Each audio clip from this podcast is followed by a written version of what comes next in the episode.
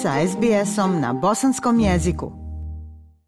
A i šalje pozdrav tebi i slušateljima SBS radija. Evo u ovom e, redovnom javljanju iz e, Sarajeva nekoliko vijesti, odnosno događaja koji su obilježili proteklu sedmicu. 13. aprila predsjednik Republike Azerbejdžan Ilham Alijev boravio je u posjeti Bosni i Hercegovini, tačnije Sarajevu. Ispred zgrade predsjedništva Bosne i Hercegovine upriličena je ceremonija svečanog dočeka uz vojne počasti, a Alijeva su dočekali predsjedavajuća i članovi predsjedništva Bosne i Hercegovine Hercegovine Željka Cvijanović, Denis Bečirović i Željko Komšić. Ovom prilikom je potpisana zajednička deklaracija o strateškom partnerstvu između ove dvije države. Održana je i preskonferencija na kojoj je kao domaćin predsjedavajuća predsjedništva Bosne i Hercegovine Željka Cvijanović kazala da je sretna što su razgovarali o mnogim temama i što se može ići u smjeru ka saradnji u oblasti energetike te drugim vrlo važnim stvarima. Poslušajte šta je najavila predsjedavajuća predsjedništva Željka Cvijanović. Srećna sam što to jeste svakako oblast energetike, to jeste oblast i transporta, to jeste oblast turizma i radit ćemo dakle, na sagledavanju naših mogućnosti. Danas smo se dogovorili i mi smo preuzeli na sebe tu obavezu i ovo je možda i prilika da na taj način, na ovaj način obavijestimo, a to će naravno uslijediti službenim putem, e, sve naše naš, resorna ministarstva da pripreme adekvatne liste potencijalnih i projekata ili ono što jesu naša interesovanja gdje želimo da vidimo i ulaganje i tješnu saradnju sa Azerbejdžanom i dostavit ćemo to naravno nadležnim institucijama. Predsjednik Republike Azerbejdžan Ilham Alijev je naveo da su zatražili konkretne investicijske projekte u Bosni i Hercegovini kako bi ih mogli i analizirati. Bosna i Hercegovina je od velikog interesa za nas jer je područje transporta. Uložili smo puno napora u povezivanje Balkana, kazao je Ilham Alijev na ovoj preskonferenciji. Evo poslušajte i riječi predsjednika Republike Azerbejdžan Ilham Alijeva. Kada je u pitanju ekonomija, postojaće nove nastojanja i inicijative. Uspostavit ćemo zajedničku ekonomsku komisiju između naše dvije zemlje. Mi smo zatražili konkretne investicijske projekte u vašoj zemlji kako bi ih mogli analizirati i javiti se vama po pitanju njih. Od Azerbejdžana izgrađenje Južni koridor i koji dostavlja evropskom tržištu gas već posljednje dvije godine. Taj gasovod dolazi jako blizu granica Bosne i Hercegovine i potpuno je prirodno da produžimo našu suradnju kada je u pitanju opskrba prirodnim gasom, zatim proširenje hidroenergetskih potencijala i drugih izvora obnovljivih energije. I nekako se nastavlja saga o sebi Izetbegović 13. aprila na vanrednoj sjednici Senata Univerziteta u Sarajevu. Data je podrška rektoru Rifatu Škrijelju da postupi prema nalogu inspekcije i izvrši upravnu mjeru poništenja diplome doktora nauka direktorici kliničkog centra Univerziteta u Sarajevu sebi Izet Begović. Za ovu odluku bilo je 30 članova senata, protiv su bila dva, suzdržanih šest, dok ih je deset bilo odsutno. Nakon sjednice, rektor Rifat Škrijelj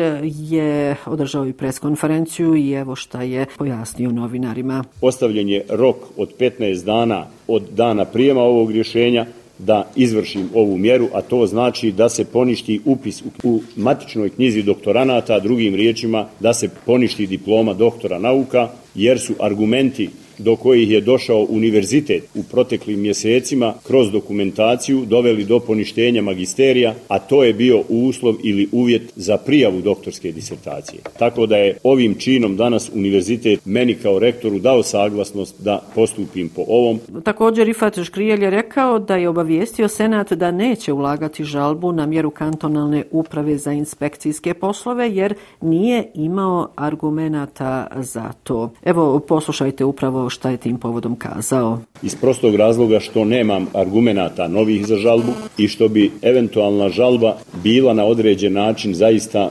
neprimjerena bar sa strane rektora, a jedino smo se mi i mogli žaliti, na univerzitetu u Sarajevu prema odlukama koje smo donijeli, ona nema nikakvu funkciju ukoliko sud ne donese drugačije odluke na univerzitetu. To što radi u kliničkom centru nije naša nadležnost i mi se tim ne bavimo, niti se možemo baviti. Na novinarsko pitanje koje zvanje sada ima Sebija Izetbegović, rektor Škrijel je kazao da je ona ljekar specijalista za oblast koju je specijalizirala. Podsjetit ću Aisha, Sebija Izetbegović je ranije ostala i bez zvanja magistra i statusa redovnog profesora, zbog čega prema statutu kliničkog centra Univerziteta u Sarajevu ne ispunjava uvjeta da bude generalna direktorica. Milorad Dodik, predsjednik Republike Srpske, gotovo svaki put u svom javnom istupu negira visokog predstavnika, također ima oštre riječi prema američkoj ambasadi, a nakon novih prijetnji Milorada Dodika secesijom i najave da će prekinuti svaku saradnju sa NATO-om, ambasada Sjedinjenih američkih država u Bosni i Hercegovini, potom delegacije Evropske unije i ured visokog predstavnika Kristijana Ivana Šmita imale su jasne poruke za njega. Do duše, oni su se obratili saopćenjem. Sjedinjene američke države neće ostati mirne ako Milorad Dodik djeluje da izazove novi sukob u Bosni i Hercegovini, naveli su iz ambasade Sjedinjenih američkih država u Bosni i Hercegovini. Kako je istaknuto u saopćenju ambasade Sjedinjenih američkih država sa ambasadorom Michaelom Murphyjem na čelu, separatistička retorika Milorada Dodika i prijetnje ocijepljenjem od Bosne i Hercegovine su antidejtonske, neodgovorne, opasne i štetne za integraciju Bosne i Hercegovine u euroatlantske institucije. Iz delegacije Evropske unije su istakli da su Dodikove prijetnje secesijom neprihvatljive, neutemeljene, nerealne i doprinose klimi nepovjerenja i tenzija. Iz ureda visokog predstavnika također u svom saopćenju su istakli da je Bosna i Hercegovina suverena zemlja. Bosna i Hercegovina je jedinstvena, suverena koja se sastoji od dva entiteta. Entiteti nemaju pravo na ocepljenje od Bosne i Hercegovine i pravno postoje samo na osnovu Ustava Bosne i Hercegovine, saopćili su iz Ureda visokog predstavnika Međunarodne zajednice u Bosni i Hercegovini Kristijana Šmita. Ovo i naredna vijest je o Miloradu Dodiku, naime protiv njega formirano je više predmeta zbog negiranja genocida u Srebrenici. Ovo su iz tužiteljstva Bosne i Hercegovine tokom protekle sedmice kazali za ovdašnje medije. U tužiteljstvu Bosne i Hercegovine u radu je više predmeta u kojima je Milorad Dodik u svojstvu prijavljene ili osumnjičene osobe. U predmetima koji se odnose na član 145a krivičnog zakona Bosne i Hercegovine Hercegovine. U statusu je prijavljene osobe u više predmeta u kojima postupajući e, tužitelji vrše provjere navoda iz prijave. O daljnjem statusu predmeta, odnosno naredbama o provođenju ili neprovođenju istrage, odluku će nakon izvršenih potrebnih radnji donijeti tužitelji koji postupaju u konkretnim predmetima, navodi se u odgovoru tužiteljstva Bosne i Hercegovine. Još uvijek e, nema ništa od formiranja vlade Federacije Bosne i Hercegovine. Istina, Protekle sedmice tačnije 12. aprila održan je sastanak predsjednice Federacije Bosne i Hercegovine Lidije Bradare sa podpredsjednicima Refikom Lendom i Igorom Stojanovićem. Međutim, ovaj sastanak nekako očekivano nije rezultirao približavanjem stavova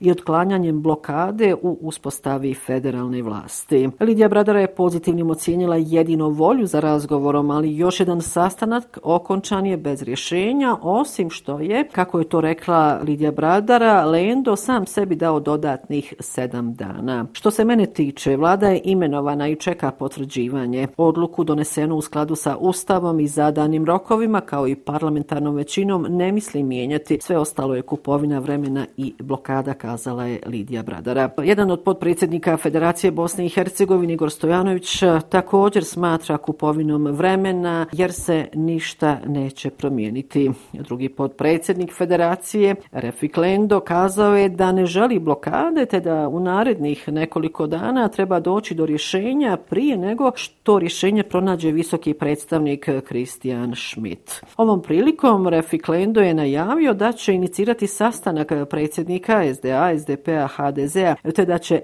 SDA imati prihvatljivu ponudu za osmorku. Refik Lendo je nekako i konkretan bio 14. aprila kada je e, sa nazvao sastanak za 17. april, dakle ponedjeljak. Međutim, već je došla reakcija iz HDZ-a Bosne i Hercegovine.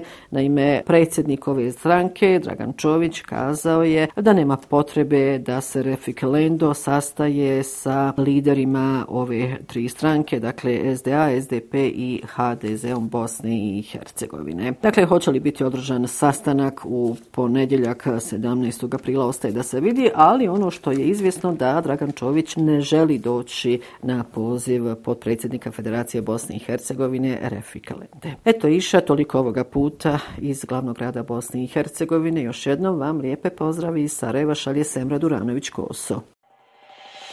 SBS na bosanskom. Podijelite naše priče preko Facebooka. Želite poslušati još ovakvih priča? Slušajte preko Apple podcasta, Google podcasta, Spotify ili kako god da primate svoje podcastove.